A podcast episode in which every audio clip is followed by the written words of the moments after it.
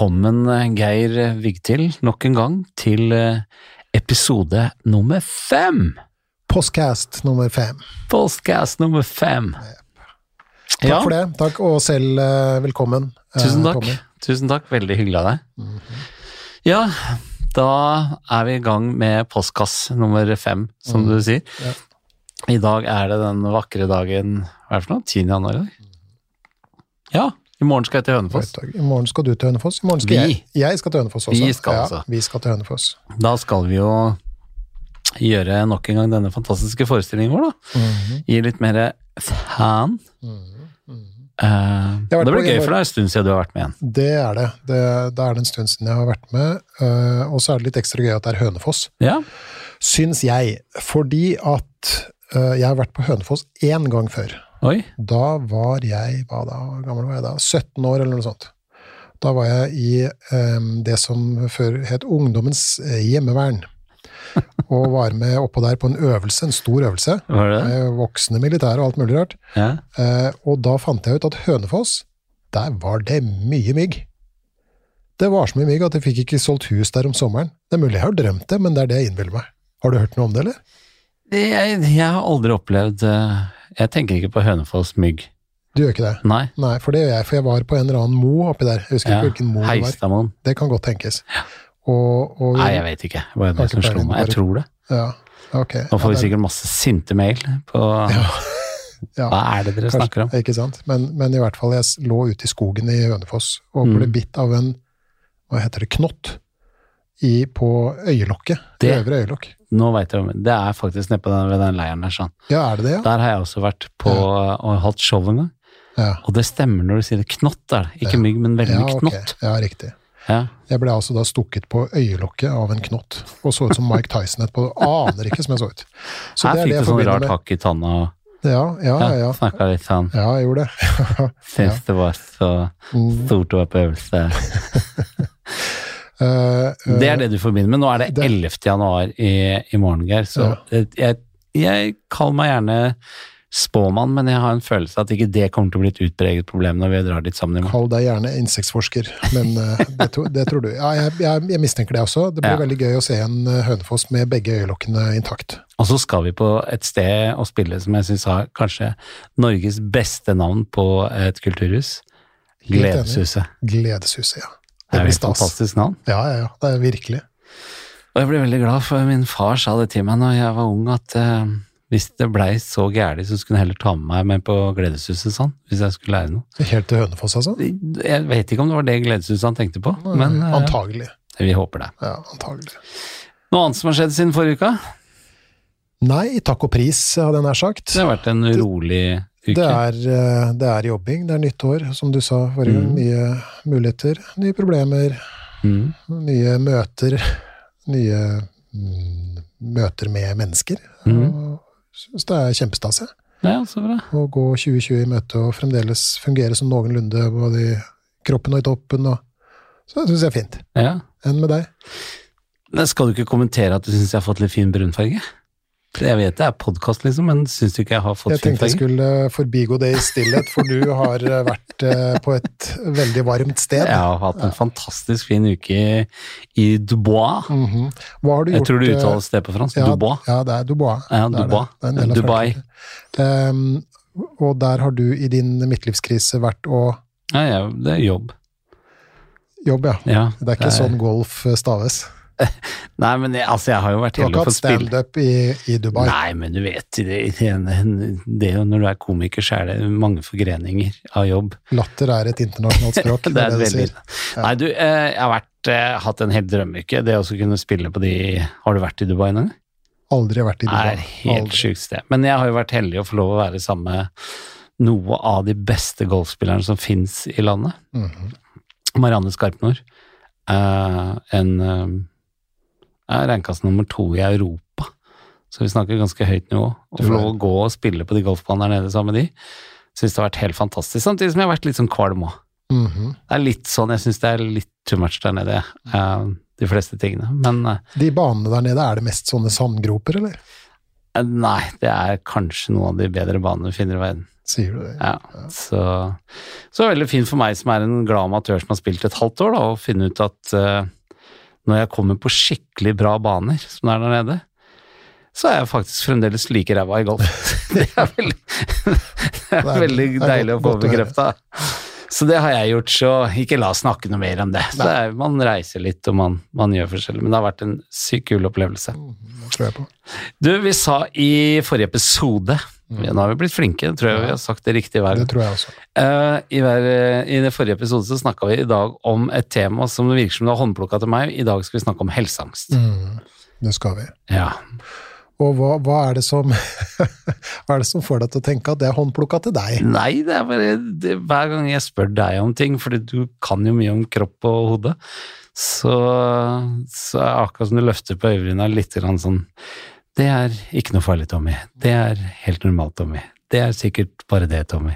Jeg tror ikke du skal bekymre deg for det, Tommy. Jeg ville ikke lagt noe vekt på det, Tommy.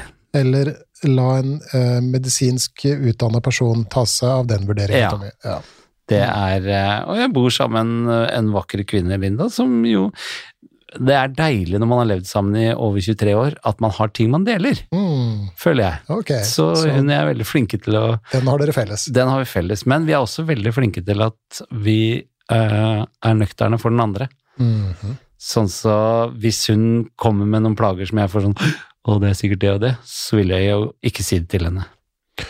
Nei, og det er nesten alltid, men, men jeg husker en episode med en, en eh, litt sånn, hva skal vi kalle det, føflekk eller gamlemannsflekk, da? På ja, der, som, det er gamlemannsflekk syns jeg er bare et ord som skal avskaffes fra den norske ordboken her og nå. Leverflekk kalte de gamle der. Ja, uh, heller det. Mm -hmm. Men ja, jeg fikk en, eh, en liten sånn uh, Pigmentflekk, kan vi kalle det. Pigmentflekk. Ja. Og hvordan reagerte din kone på det? Nei, altså jeg var jo egentlig ikke så engstelig for det utgangspunktet. Jeg tenkte sånn, ja ja, det er jo sånn man får i den alderen. Jeg har jo sett eh, gamle mennesker, jeg har jo veldig mange av de. Sånn tenkte jeg. Men uh, Linda, og ikke minst hennes venninne Line, de var veldig på at det må undersøkes. Det der er skummelt. Den har ikke vært der før. Den er ru på overflaten. Det der er høyst sannsynlig kan være uh, hudkreft. Så jeg fortalte deg om den flekken og viste den til deg, du sa nei, det er bare bla, bla, bla. Eh, lever, gammelmannsflekk. Ikke noe å bry seg om. Men for husfredens skyld, eller kanskje mest for min egen bekymrings skyld, så dro jeg jo på Aleris, da. Betalte skjorta. Kom inn til en fantastisk bra dame på Aleris på Strømmen. Hun som er hudlegespesialist, eller hva det heter for noe der. Og hun sa ja, én god nyhet og én dårlig nyhet. Da det sa hun hun hadde sett på det i to sekunder. Ja, da tar jeg, den, tar jeg den gode først, sa jeg. Det er ikke kreft, sa hun. Og da kunne jeg egentlig komme hva som helst etterpå, for det, det, var det eneste jeg tenkte å høre. Så sa hun den dårlige nyheten er at det er en gammelmannsflekk. Men jeg syns ikke det var noen dårlig nyhet. Altså, og du hadde ikke fylt 50 engang? Nei, jeg hadde faktisk ikke det. Mm. Så det var 49-årsflekk. Som, eh, som jeg også ser du har Begynt å få Du har på kinnet og Det er noe som kommer med alderen. Men den engstelsen og den bekymringen før det er sånn, den kjente jeg veldig godt igjen. Og jeg kjenner det igjen med hjertebank. Jeg kjenner Altså, jeg har en lei tendens til å tro det verste hver gang. Ok, Så hva tenker du når du får hjertebank, da? Før, når jeg hadde det angst, eller mener du nå når jeg har kontroll på det? ja, la oss ta begge deler, da. Ja, før så uh, når jeg fikk uh, Når jeg følte at det var veldig uregelmessig hjerteslåing og veldig hardt For det føler jeg at jeg kan oppleve noen ganger når jeg ligger i senga for eksempel, ikke får sove, så syns jeg at jeg hører hjertet veldig tydelig. Mm -hmm. Og tenker sånn at hvis jeg hører det veldig tydelig, så betyr det at hjertet kjemper sin livskamp, siden han lager så mye lyder. Mens uh, nå når jeg har fått litt mer vett inn i skallen, så skjønner jeg jo at de gangene jeg hører det, så er det fordi at jeg hører ingen andre lyder og ligger i senga, og det er ikke noen som forstyrrer. Mm. Så da Og at det ofte er en veldig stor fordel å høre at hjertet er i gang òg. Det, det, er jo det. Mm. Det ville vært verre hvis du ikke hørte noe. Eller da hadde du jo sikkert ikke gjort, men, men jeg skjønner hva du mener. Men eh, ja, jeg eh, skal ærlig innrømme at jeg nok er litt grann Jeg blir bedre, men er ikke flink nok, syns jeg, til å å gi faen i de bekymringene. Mhm. Er helseangst veldig utbredt, eller siden du ser på meg med de øynene der sånn? Eller er det svært få som har det? Ja, altså nei, altså Uh, Igjen så må vi jo skille mellom angst og engstelse, da. Jeg syns Ja. jo det er et godt skille. Ja. Uh, eller det er en slags sånn glidende overgang, er det jo for så vidt. Men sånn fulminant, diagnoseverdig helseangst, Ja. det regner man med at sånn ca. 1% av befolkninga har. Eh, og det er ikke noe forskjell på eh, kvinner og menn i så måte. Der er det ganske likt fordelt. Ah, ja. Det er ganske likt fordelt. Det er likt fordelt. Ja. Eh, Det kommer vel av at begge kjønn har en kropp, eller noe i den retninga der. Eh, Men eh, så kan man tenke at 1 er jo ikke rare greiene. Nei. Men på den annen side, det er jo hver hundrede person. Ja. Ikke sant? Og, så det, det er jo en, en, en relativt stor del, sånn statistisk sett, av befolkninga likevel. Litt matematikklærdom der, altså. Ja. viktig. Ja. Men um, er det på samme måte her som vi har jo snakka om sosial angst og andre angster før? Er det også her uh, forskjell mellom Man har ikke helseangst hvis man er litt sånn bekymra, sånn som jeg, for jeg føler jo ikke at det lammer og ødelegger hverdagen min. og Jeg flyr jo ikke til legekontor. Jeg går til legen en gang i året fordi jeg må til legen en gang i året. Mm. Uh, hvis ikke så får jeg ikke lov å beholde flysertifikatet mitt, så en gang i året må jeg jo til legen uansett. Og jeg er ikke noe sånn som flyr ned legen for minst lille ting ellers. Så da tenker jeg at jeg har litt sånn helsebekymringer, Mm. Mm. men at det ikke har utvikla seg til en angst. Ja, ok. Så det, ja, det er jo en god greie. Og, og det her har vi også snakka om um, andre ganger, at det å ha en viss grad av engstelse, eller, eller um, ja, kan vi kalle det da. Engstelse i, i livet sitt er jo lurt. Uh, fordi at man uh, da følger med på det man bør følge med på. Mm. Så det å trekke på skuldrene av at venstrearm falt av en morgen, det er liksom kanskje ikke så lurt, da. Ikke sant? Eller, eller la oss si at man har eh, blod i avføringa, eller et eller annet i den duren. Ja. Det er greit å sjekke, liksom. Ikke sant? Og, og der er det for så vidt en viss forskjell på kvinner og menn, for at menn er vel ikke fullt så flinke til å sjekke seg for Det er ikke, det er ikke menn som løper ned kontorene, eller så legekontorene, det er det ikke. Eh, Så der kunne man jo kanskje ønske seg at menn ble noe eh, flinkere, da. Mm. Eh, Men, men Så det å ha en viss grad av engstelse i så måte er jo, er jo lurt. Og så er det sånn som du sier, at noen ganger så kan det bli for mye av det, Mm. og at det blir et hinder i hverdagen. Og da kan vi begynne å snakke om helseangst. Hva er forskjellen på helseangst og hypokondrilli? Er det det samme? Nei, det er samme. Det er et, eh, det er et, det er et gammelt begrep og et nytt begrep. Ok. Så har vi jo en kar som heter eh, Ingvar Wilhelmsen, eh, som jo er veldig sånn kjent for dette med helseangst. da. Ja. Han er jo både psykiater og indremedisiner, og han driver en klinikk borti, i hvert fall deltid, tror jeg, på, borti Bergen. Som-? Ja, eller noe der omkring. Ja. Ja. Ja, det er hypokonderklinikken. Hypokonderklinikken. Ja. Ikke helseangstklinikken, men hypokonderklinikken. Ja. Så, og han er jo veldig flink til det der med, med helseangst. ja. Jeg har vært på noen foredrag med han, syns det er morsomt. Eh, Han forteller pasienthistorier og Mm. på dette foredraget. Det er ikke mer synd på deg enn det er på andre. Men eh, er det sånn at vi har mer helseangst nå, tror du, enn vi hadde for 20 år siden? For 20 år siden? Eller 30 år siden, da? Nei, det vet jeg ikke. Jeg aner ikke. Nei. Aner ikke. Kanskje hvis vi begynner å, å dra et enda større skille, holdt jeg på å si, altså gå enda noen år tilbake, så, så kan det jo tyde på det. Ja. Eh, Du, Jeg har nemlig en tese jeg skal komme med, skjønner du. Ja, ok, så det er et oppspill til den, Ja. få høre. Nei, jeg, jeg lurer på fordi at Min tese er at vi Jeg opplever i hvert fall det, at i altfor ofte i mediene så blir vi lært at hadde de bare vært ute i god nok tide, så kunne de vært reddet. Hadde de bare gått til lege og sjekket seg, så er det Og ikke minst det er kampanjen med, som, vet, som er lurt med kvinner og brystkreft, er sjekk deg du, og underlivskreft, livmorhalskreft og eh, altså Det er veldig mye fokus på at hvis du bare hadde vært flink nok til å sjekke deg, så kunne mye vært unngått. Og i noen tilfeller så er jo det helt fantastisk bra å få opp den frekvensen. Men så tenker jeg at noe av det kommer jo at jeg når jeg får det der bekymringene, så er det sånn Å ja, hvis jeg er ute i forkant nå, så kan jeg reddes. Mm. Men så er det akkurat som Men det er Jeg vet ikke hvordan jeg skal si det, men det er Jeg skiller litt mellom det jeg engster meg for, da.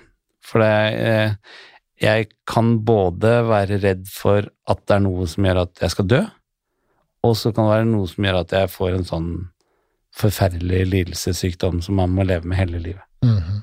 Mm. Ja, det, det man øh, snakker om, da, og Ja. som, som man spekulerer litt i, Mm. det er jo det at skal vi si, det større, til, det større helsetilbudet er, Mm. dess mer øker etterspørselen, på en måte. Og du sa jo for noen episoder siden at, øh, at øh, før så gikk Hva var det du sa for noe før gikk folk Nei, ja, man, det er noen av og til det kommer kloke ord fra meg, men det er før så gikk vi til doktoren når vi var syke. Nå så går vi til doktoren for å sjekke at vi er friske. Mm, ikke sant? Og der er det antagelig noe, tenker jeg, eh, sånn intuitivt eh, sett. Mm. At vi har eh, At vi sjekker mer og, og Jeg snakka med en lege for en liten tid tilbake. Jeg, eh, jeg- jeg jobber jo sammen med leger også, og, og denne legen snakka da om pasienter som kom til eh, denne legen, da, Mm. og gjerne var sendt av kona si, og skulle til sånn EU-kontroll. Ikke sant? For de hadde bikka 40 eller 50 eller noe sånt som er, og så ble de sendt til sånn fullsjekk til legen for å utelukke at noe Veldig var galt. på det. Ja, ja, men ikke sant. Altså, så, så, og det var vel ikke den legen sånn overvettes begeistra for, da. Nei. Ikke sant? Altså, du, du er du er frisk inntil det motsatte er bevist, Mm. eh, men det er ingen grunn til å lete etter bevis på det motsatte. Nei. Det var jo noen som sa en gang at det finnes ikke friske mennesker, det finnes bare dårlig utreda pasienter. Og, og statistikken viser jo også at hva var det for noe, da? Det er noe sånn som at åt, Skal vi se, la meg tenke meg litt om.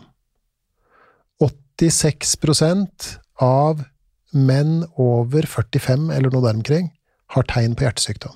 Ja. Men poenget er at disse går intetanende rundt og tror at de er friske. Og da er jo spørsmålet hva er definisjonen på frisk? ja. Ikke sant? Er det det at du føler deg frisk, eller er det at du viser absolutt ingen tegn på noe som helst galt? Ikke sant? Og jeg vil jo helle mot det første, Ja. for det at du føler deg frisk. ja. Og det er forbløffende mange som går rundt med plager i hverdagen, både plager og sykdommer, og lever godt med det og definerer seg selv som friske. Mm. Ikke sant? Og så er det dessverre noen også som er så livende redde for å bli syke at de også nærmest føler seg. Det blir mani i seg selv. Ja, ikke, om ikke en mani, så, så en, en angst, feil ordbruk, det. Ja, ikke sant. ja, ja. Eh, og, og det som du eh, akkurat sa, som, og det er jo et, et godt poeng, det er eh, Du husker dette med sosial angst, der var det et sånt Mm. skille, ikke Mm. sant? Eh, eller det var to typer, da. Mm. Og, og det kan du si om eh, helseangst. eh, Det er det der også. også? Ja, Ja. Ikke sant? For det ser ut til å være to hovedtemaer som går igjen. Og det ene er eh, redselen for å få en dødelig sykdom. Mm. Eh, og da er, det, da er det ofte noen sånne spesialtemaer som eh, går igjen.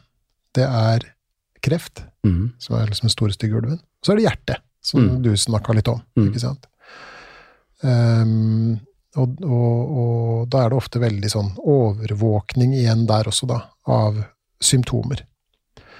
Eh, og så har du den andre helseangstvarianten, som handler om redselen for å få en invalidiserende sykdom. Mm. Det at du skal få en sykdom som gjør Sitter at du rullestol. ja, sitter i rullestol, eller i verste fall blir liggende i en eller annen hev og senk-seng, Ja. ikke sant, med en sånn pinne til å styre klømaskina på venstre lår. Ja, men ikke sant? Altså, altså, er, øh, og og der, der er det ofte redselen for, for sånn det vi kaller degenerative nevrologiske sykdommer som går igjen, altså type sånn MS og ALS og, Mm. og sånt noe. Så der, der går det et skille. Og så er det jo Det er jo mye fokus eh, på det også. Jeg vet, jeg, sånn, bare i venneflokken og familieflokken så snakker man jo om ja, nå har han fått det, og hørte du hva som skjedde med hun, og Men jeg trøster meg litt med Ja, men jeg har ikke hørt om alle de andre. Mm, mm, Man får høre om den, mm, ikke sant? For eksempel kreft, som jo blir veldig mye snakk om. mm. Ja, nei, hun går til behandling, og det er jo forferdelig for de som, som har det, og Mm. man blir jo redd for det. Men man snakker jo ikke så mye om eh, Nei, har du hørt uh, siste nytt om uh, han og han nå? Han er helt frisk, han. Mm. Ikke skjedd noe med han på Det snakker man så klart ikke om. Ja. Ja, og det er litt sånn med meg med flyskrekk nå. Man fokuserer på det ene flyet som, som man ser i ulykkene, eller ser i avisen om det har vært en ulykke med. Mm. Men ikke de til enhver tid 24 timer i døgnet, 60 sekunder i minuttet, Mm. over 100 000 fly som er i lufta til enhver tid. Så det er noe med, med, med fokusen eh, på det også som jeg, eh, som jeg syns er, eh, er hva, hva, hva er det som gjør at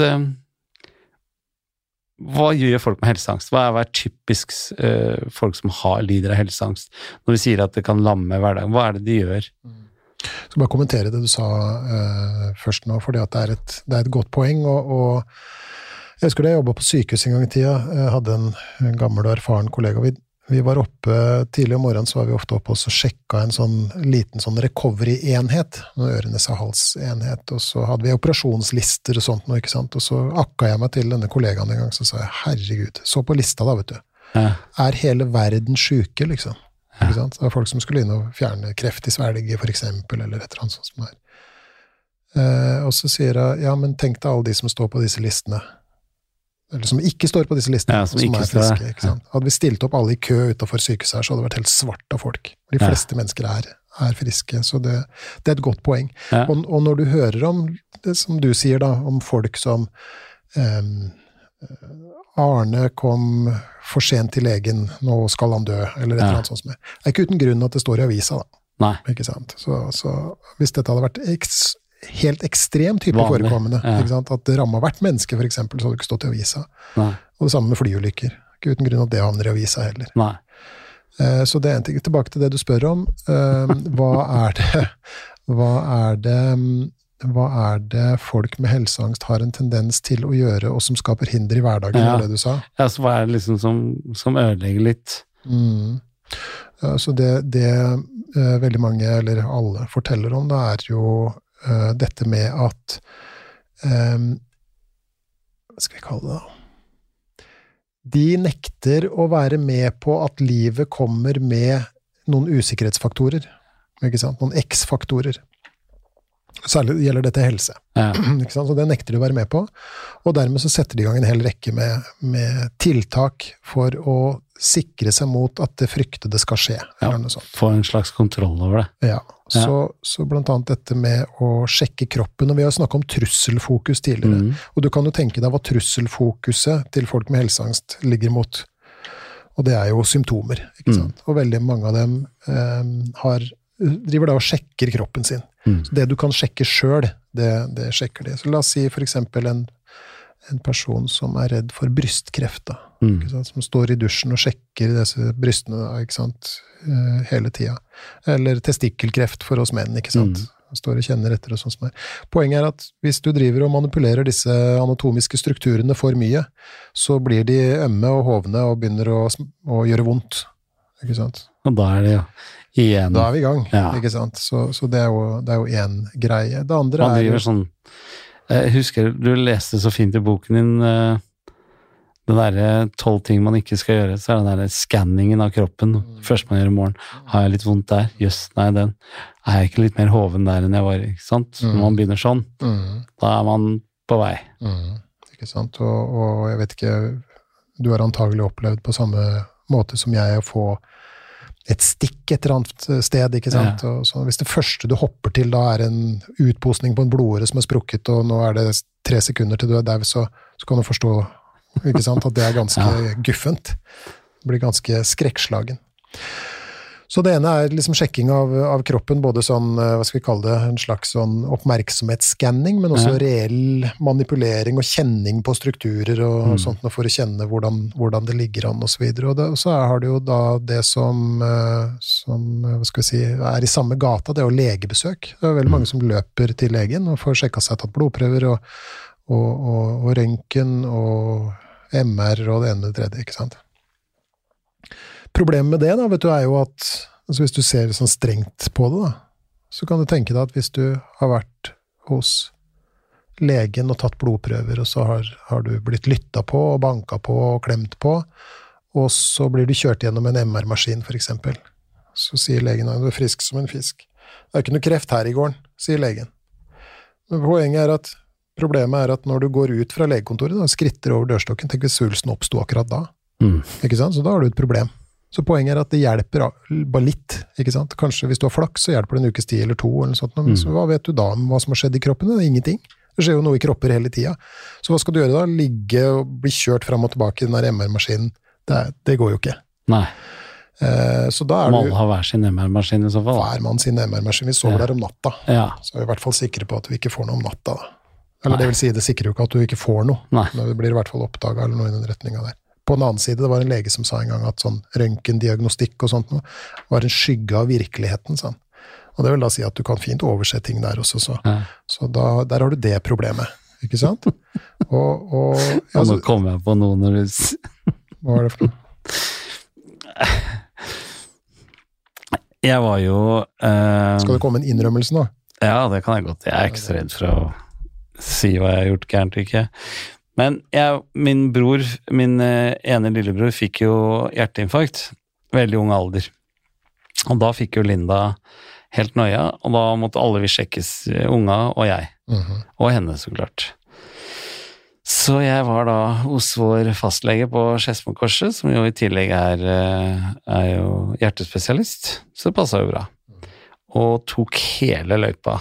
Jeg kommer til han og sier ja, jeg er jo litt overvektig, og min bror har hatt hjerteinfarkt, og min far samler jo på de. Så jeg er i risikogruppen, så jeg må sjekkes. Og ja, ja, inn og full rulle, alle blodprøver og EKG, så klart, både foran og bak, opplevde jeg. Eh, Og oppå sånn sykkel, ergometersykkel, og sykla med EKG. Og han kom trillende inn med ultralydapparatet, så hadde jeg lyst til å si til at jeg tror han misforstående om jeg sa feit eller gravid, men da skulle hun sjekke halspulsåret og sånne ting. Så det var grundig sjekk. Og jeg går ut derfra og får høre at uh, jeg uh, Det er lavt kolesterol, jeg har ingenting i blodårene, alt er bra. Og så treffer jeg noen eh, folk i jobbsammenheng et par uker etterpå, så forteller jeg dem dette her. Og da sier han en ja, men det der gjorde jeg òg, skjønner du. Og han var tynn i tillegg.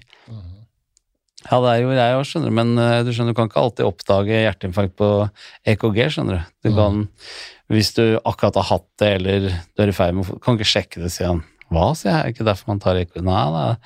Du skjønner, jeg var eh, blei tipsa av noen at jeg måtte ta CT med kontrastvæske, Mhm. for da kan du finne ut Så jeg ble sendt av gårde til eh, den derre klinikken oppe Mjøsa, hva heter den? Feiring. Feiring, ja. Ja. Og da fikk han tatt seter med kontrastvæske og oppdaga at han hadde hatt et hjerteinfarkt som han ikke hadde fått beskjed om. Dette, ja. Mhm. Og da går jeg tilbake til doktor Knut, jeg, og sier du, sånn sete må jeg ha. Og han sa ja, men det trenger du ikke.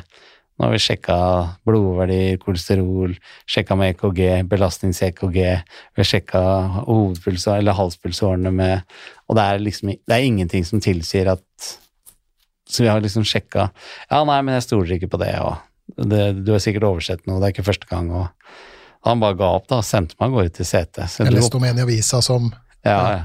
Så jeg dro opp til Gjøvik etter et par dager, jeg, og betalte skjorta og fikk eh, sete med kontrastvæske for å få da bekreftet nok en gang at det ikke var noe i veien. Men jeg roa meg etter det, da. Det gjorde det? Ja, ja. Okay, Så det var ikke mer som skulle til. Nei.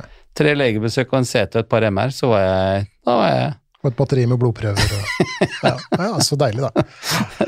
Det Så jeg kjenner meg eh, litt grann igjen. Men du, eh, Men hvis jeg kan få fortsette nå, for Ja, var det mer? Ja, ja, ja. ja, ja du, har du fryktelig travelt, må du, må du la meg Nei, få men svare. jeg, Ja, jeg, jeg skal fram til noe, skjønner du. ja, ok. Ja, så vil du ta det først? Nei, nei. Nei, ok, greit. Så, for da fortsetter jeg på det du spurte om. Fortsett. Så dette med legebesøk. Mm. Ikke sant? Du kan aldri, aldri vite, uansett hvor mye du sjekkes, litt Nei. sånn som du forteller nå. ikke sant? Mm. Og, og så er det en annen ting også som jeg leste her forleden, og som i grunnen eh, Hva skal vi kalle det, da? Som jeg syns var litt sånn dobbelt urettferdig for folk med, med, med helseangst. Og det viser seg det at helseangst og legeskrekk går ofte hånd i hånd. Tuller du? Nei.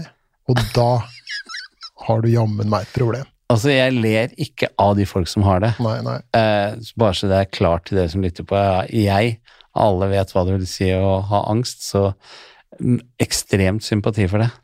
Men eh, det er mer situasjonen jeg ser for meg. Da begynner det å bli tungt. Da begynner det å bli ganske drøyt. Hvis du har helseangst så du må gå på legekontor hele tida, men du er i tillegg redd for å gå til legen. Mm, mm. Ja, du kan tenke deg, det begynner å bli slitsomt.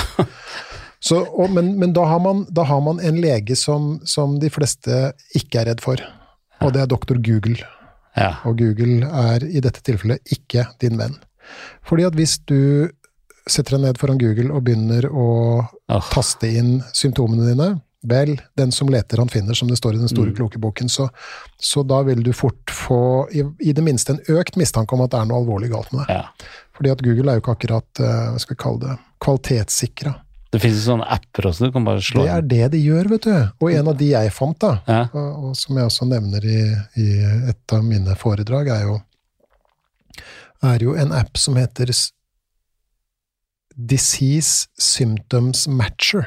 Ja. Og det er en sånn app hvor du kan legge inn symptomene dine, uansett hva slags symptomer du har, så kan du legge dem inn. Mm. Og så, eh, så gjør appen det den skal gjøre, og så kommer det et resultat ut. Og da, er det, da får du en sånn sannsynlig diagnose, Mm. ikke sant?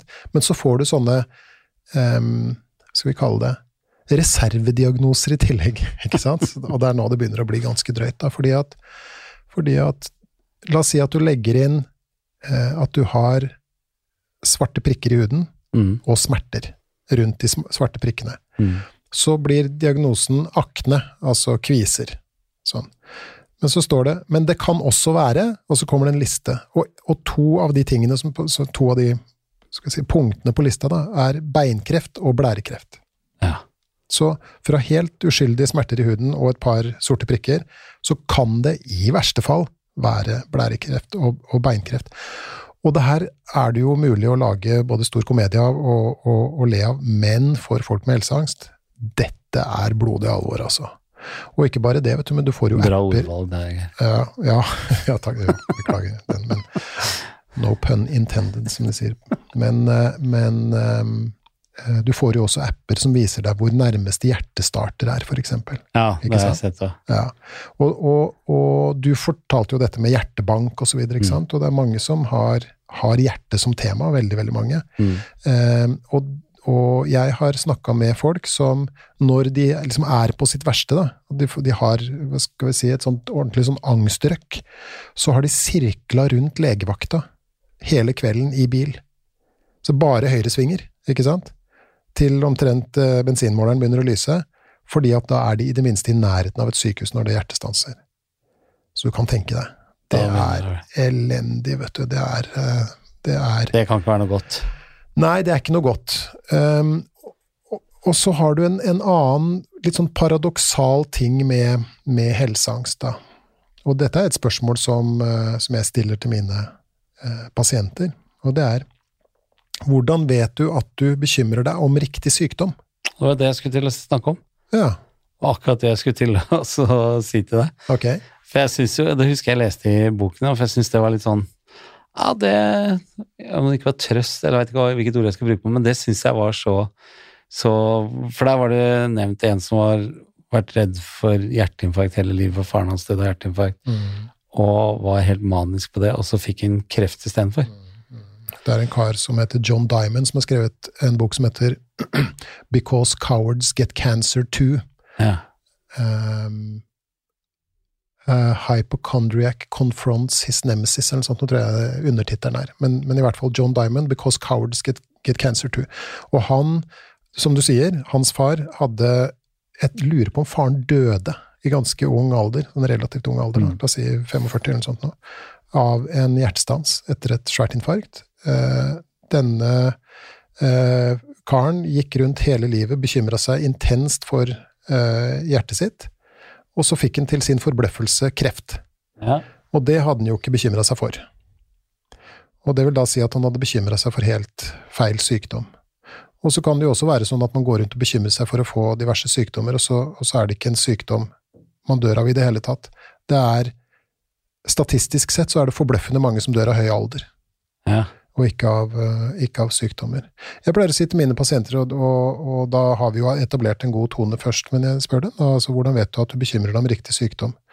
Eh, og da, eh, blir, da, begynner de ofte å flakke litt med blikket, og så, og så sier jeg Én eh, ting er jo kreft og hjerte og sånt nå, eh, men, men, hva med alle de herre eh, småsykdommene som fins?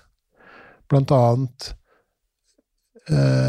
Blant annet er det en sykdom som heter lønnesirupurinsykdom. Som, som eh, altså så få promille av verdens befolkning noensinne kommer i befatning at du vil ikke tro det engang. Ja. Men, men, har de tenkt på det, liksom? Ja. Nei, det har de ikke tenkt på, da. Er det noe du har tenkt å, å, å, begynne med? Nei, de ser kanskje ikke helt poenget med det. Men det finnes jo en hel haug med, med, små sykdommer. Du har ganefnatt, nervøs kneskål, håndflatepest, intim parese, armhuleturbulens er jo en ting. Eh, dobbeltsidig albueskjelving, bakhodeløsning og skulderbrekninger. Og det er veldig få som går rundt og bekymrer oss for den type sykdommer. Det er de der store kategoriene ikke mm. sant, som, er, som er tema.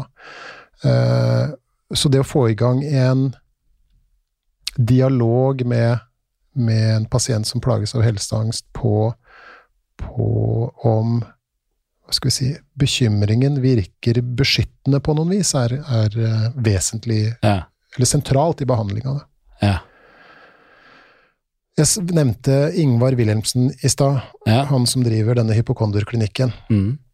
Og han har et, eh, et, sånt ganske lurt spørsmål som han stiller. Og det høres helt sånn høres nesten litt dumt ut, eh, og veldig sånn tilforlatelig ut, men, men det er egentlig sånn dypt eksistensielt, da. Mm. For det han sier til sine, eller spør sine pasienter om, er er du villig til å være dødelig? Og det høres jo ut som et ganske sånn tåpelig spørsmål, egentlig. Mm. Er du villig til å være dødelig? Men det er mange av de med helseangst sitt prosjekt å unngå å dø. Ja. Så vet vi jo som kjent at det er relativt vanskelig. Det er ikke så mange som overlever det er, det er veldig få. Mm. Ikke sant? Relativt nært null, ja. vil jeg påstå. Uh, men, men, gjennom å stille det spørsmålet, så, så, skaper han en refleksjon hos pasienten om at vet du hva, jeg er faktisk dødelig. Og her går jeg rundt og bruker veldig, veldig mye krefter på å forsøke å unngå det. Uh, hva hvis jeg forsøker å å skal vi kalle det? finne noen form for relativt fred, da, mm. med tanken på at jeg en, en eller annen dag, jeg vet ikke når, skal dø. Heldigvis vet vi ikke. Nei.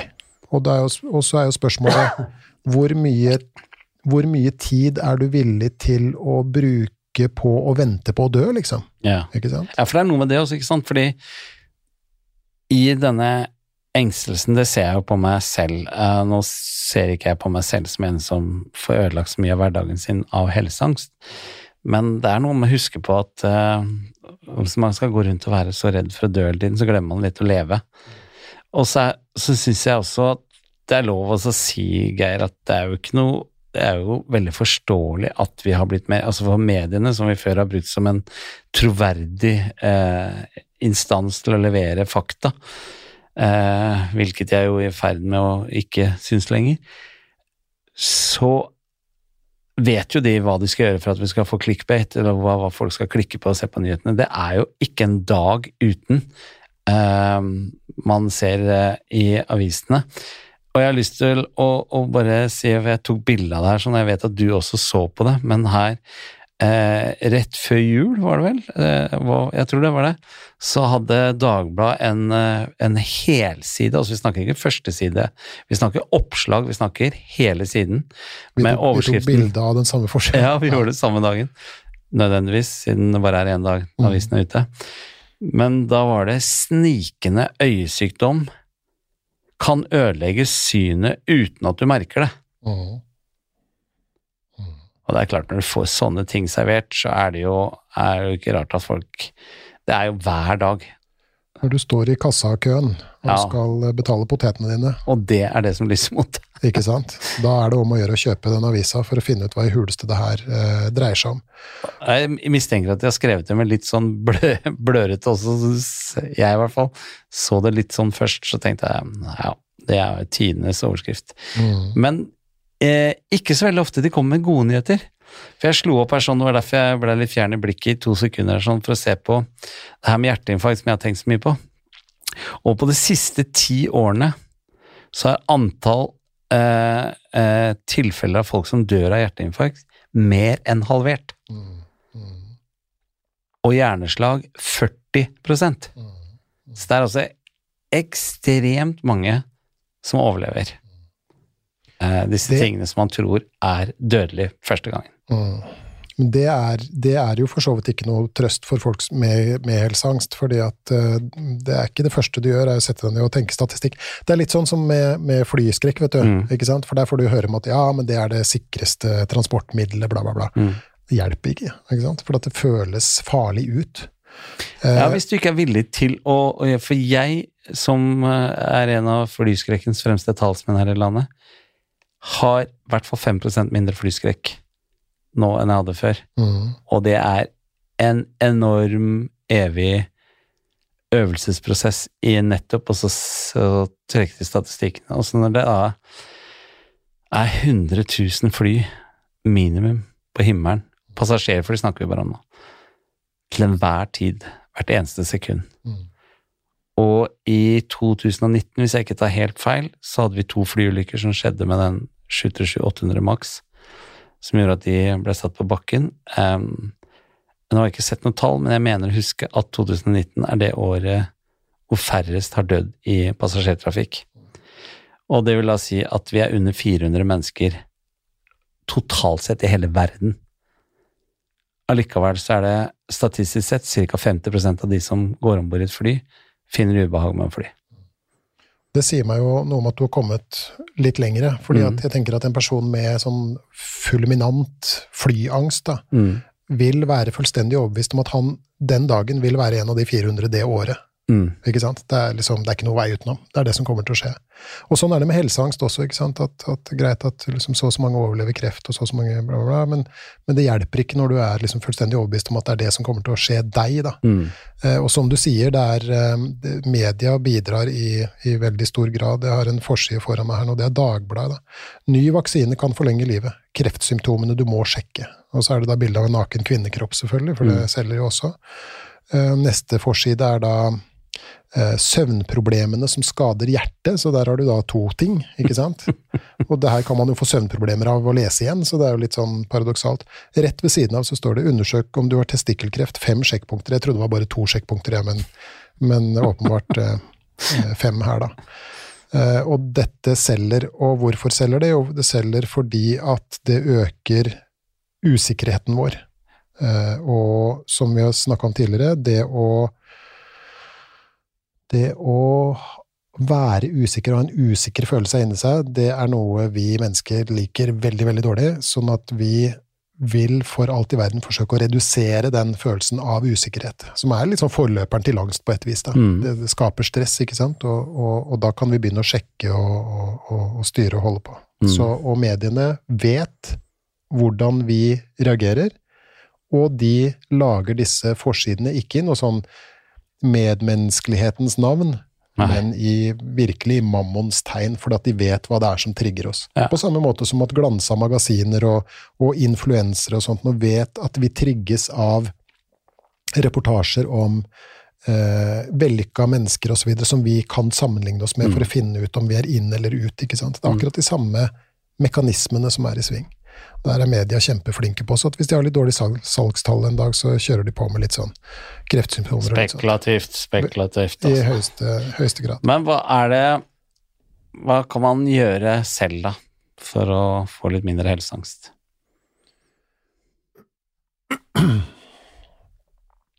Nei, altså Hvis angsten er for, for stor og skaper veldig store problemer i, i hverdagen, så, så må man jo i det minste snakke med, med en eh, så For det første så er det jo ja, paradoksalt nok fastlegen man, man bør snakke med. Mm. eh, eh, for å sjekke om man bør eh, behandles for det her. Og det finnes god eh, behandling, og behandlinga, igjen veldig grovt sagt, for vi, vi skal jo ikke gå i veldig sånn detaljert inn på, på behandlingene her, men, men behandlingen vil ofte ligge i det å tåle å få tanker om tanker om sykdom uten å gå inn i sjekkmodus, eksempel. Ja. Ikke sant? Så det å tåle ubehaget ved å la være å sjekke, og, og øve på å tåle ubehaget som oppstår når du lar være å dra til legen osv., og, så og øve på å tåle at livet er et usikkert prosjekt, som Ingvar Wilhelmsen sier, Mm. det er, det er der behandlinga ligger. Så det å ekspo, ikke sant? Vi har snakka om eksponeringsbehandling tidligere. Det her er en slags sånn eksponering for livets usikkerhet, eller noe sånt. Mm. Og, og, og, og det, er en, det er en god behandling. Og, en av de tingene som jeg spør mine pasienter om, er, liksom, er, er noe i retning av Er det sånn at du har kreft, eller er det sånn at du har tanker om at du har kreft? Mm. Og er det noe forskjell på de to, og, og hvilken av dem er det du, du har, på en måte? Mm. Og da, da sier jo uh, de aller fleste at ja, det er jo tanken på at jeg har kreft som er mitt problem, ikke det at jeg har kreft. Nei.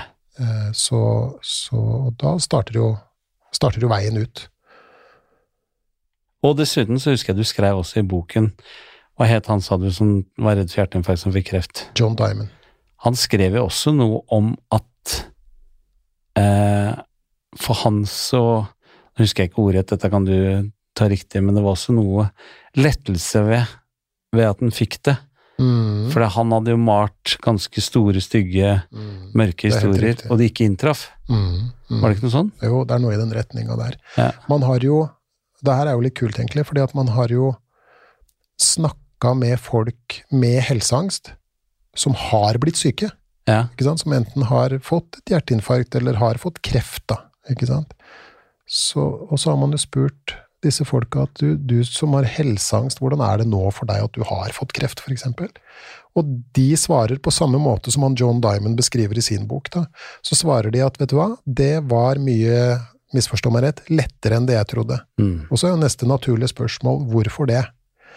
Jo, fordi at det å forholde seg til virkeligheten var lettere enn det å forholde seg til fantasien, Som ikke har noen grenser. som ikke har noen grenser i det hele tatt, og hvor Nei. det mest forferdelige kan skje. ikke sant? Og det er jo det som er eh, i det minste noe av problemet ved en rekke angstlidelser. da. Ja. At fantasien tas i bruk. Og den er eh, Den er eh, grenseløs. Du har, du har jo ehm, Du har jo innrømmet din, din uh, helseangst, i hvert fall tidligere, da. Hva har du gjort, da? Bekymring. Ikke Bekymring. Bare, bare vært, jeg har bare hengt helseengstelse. Helsebekymring? Ikke angst. Jeg har ikke utvikla seg til angst sånn skikkelig. skikkelig. Ok. I hva jeg har gjort, det er jo veldig enkelt. Jeg øver meg jo, eh, og det er jo litt av clouet både i boken din og også i forestillingen som er basert på den. Jeg øver meg jo å begynne å gi litt mer faen i de tankene, jeg, da. Altså jeg, Men er du ikke redd for å gå glipp av noen symptomer? Nei. Overse et hjerteinfarkt? altså Hvis jeg har hatt et hjerteinfarkt og ikke merka det, så får det bare være, da. Det er også en greie, å, å, bare for, som en sånn innskutt bisetning, holdt jeg på å si, at, at når, når, når det er noe galt med en kropp, så er den designa for å si kraftig ifra. Så har du et hjerteinfarkt. De som har hatt det, de sier det er som å ha en gravemaskin oppå brystet. Ikke sant? Så det merker du. Det merker du. Eller hvis du mister følelsen i halve kroppen, for eksempel, så har man også en lei tendens til å legge merke til det. da. Så, så kropper har en tendens til å si ifra. Og en annen ting er også at, at istedenfor å forsøke å diagnostisere det her selv, hva med å stole på folk med medisinsk embetseksamen pluss videreutdanning? er det jeg har blitt flinkere til. Ja. Og så en liten sånn eh, artig digresjon. Er det ikke gøy når vi sier 'jeg har en liten innskudd bisetning', istedenfor å si 'unnskyld at jeg avbryter deg'? Nå har jeg tenkt å avbryte det. skal jeg si. Ja. Nå må jeg avbryte deg. Mm. Hør her. Ja. Eh, det høres flottere ut med Greier du å ta opp tråden igjen? Jeg klarer å ta opp tråden. Ok. Jeg eh, øver meg på, som sagt, å gi meg faen for tanker kommer og går. Mhm. Uten at jeg får gjort noe med det. Og det er noe av essensen i forestillingen, og ikke minst, hvis jeg har forstått det riktig, essensen også i boken. Um, så eh, jeg har immer lyst til at vi skal eh, vie en episode ganske snart, Geir, til akkurat eh, den måten å jobbe på. Mhm. Eh, Det med, med frakoblet oppmerksomhet. Okay. Eh, fordi nå har vi snakka om mange forskjellige ting som ja, stort sett jeg sliter med, og veldig mange med meg sliter med. Og så har vi vært innom en par ting som du sliter med, eller sliter er feil ord, men problemer Ja, som man har, eller ja, utfordringer og sånne ting. Så det har vært gøy også, og for jeg syns jo det er helt um, fantastisk dette her, eh, interessant dette her med det metakognitive. Om vi kunne viet en hel episode til å snakke om de tingene som både du og jeg øver på daglig. Mm. Kan vi gjøre det? I, I høyeste grad. Har jeg jo tenkt tanken at det skal vi jo gjøre. Jeg hadde jo i utgangspunktet tenkt at neste episode skal handle om generalisert angst og panikkangst, men hvis du vil, så kan vi godt uh, Nei, nei, jeg tenker ikke på neste, men ganske snart. Ja, ja, det ja. er eh, Men ok, men her er greia, da. Hva hvis vi, hva hvis vi kjører uh, neste episode nå? mm, Generalisert angst. mm, Uh, generalisert angstlidelse, som det heter. panikkangst. Og, og panikkangst. Mm. Og gangen etter der så tar vi en gjennomgang av metakognitiv terapi. Hva det er for noe, og hva det ikke er for noe. Det gjør vi. Hva som er forskjellen mellom metakognitiv terapi og kognitiv terapi, for eksempel. mm. vi Mm. gjøre noe sånt? Det har vært dødsgøy. Ja. Episode syv, altså. Det blir episode syv, ja. Ja. Mm. ja. skal Ja, men da skriv ned, da, så gjør vi det. For det syns jeg er eh, Det syns jeg er utrolig Har vært utrolig lærerikt for meg. Mm, mhm. Nei, men det er greit. Det blir antagelig en lang episode, Da må vi for de spesielt interesserte. Blir det del én, del to og del tre? ja, kanskje det. Jeg Men tror du- det blir litt sånn Joe Rogan eh, tre timer-greie. Ja, det er, det er bare greit, det. det er, den eh, den podkasten her utvikler seg sånn som han gjør. Ja da, får det er får bli som det blir. Det har blitt stadig lengre, men jeg tror ikke vi har kommet over en time nå, eller? Klarte det i dag òg, vi, vet du. Gjorde vi det, ja? Ja, ja. ja. Så mye er klokka nå, holdt jeg på å. Altså, eh, Nei, eh, si det er eh, Nei da, nå lyver jeg. Det er fortsatt to minutter igjen til vi passerer en ja, time. du verden. Ja, det er klart. Så Ja, hva skal du spise til middag? Ja? Men du, vi, vi har jo gjort det til vår greie at vi eh, oppsummerer. Ja, det syns jeg du skal gjøre i dag. Da, i dag skal jeg få lov å oppsummere. Mm. Eh, og jeg oppsummerer som følgende. Helseangst. em, det som kaller da Hva det heter Klinisk helseangst, er det lov å si det? Nei, det er helseangst, det er helseangst, tenker jeg. Helseangst. Ja. Ja, men for jeg har bare lyst til at det skal være en forskjell på det og det å bekymre seg. Forskjell på angst og være, gå rundt og være litt engstelig av og til. Ja. Ok, helseangst er ca. 1% av befolkningen har det. Mhm. Og det er jo tross alt et ganske stort tall vi snakker om. Én av 100. Det gjør vi. Så på hver 100 så er det én person som har det. Begynner å bli sarkastisk òg, da. Nei, nei. Jeg oppsummerer. Mhm. Jeg oppsummerer. Eh, helseangst er eh, da eh, redselen for at man ikke har kontroll over ting som feiler kroppen. Altså man er eh, redd for at man ikke er ute i tide til å oppdage sykdommer.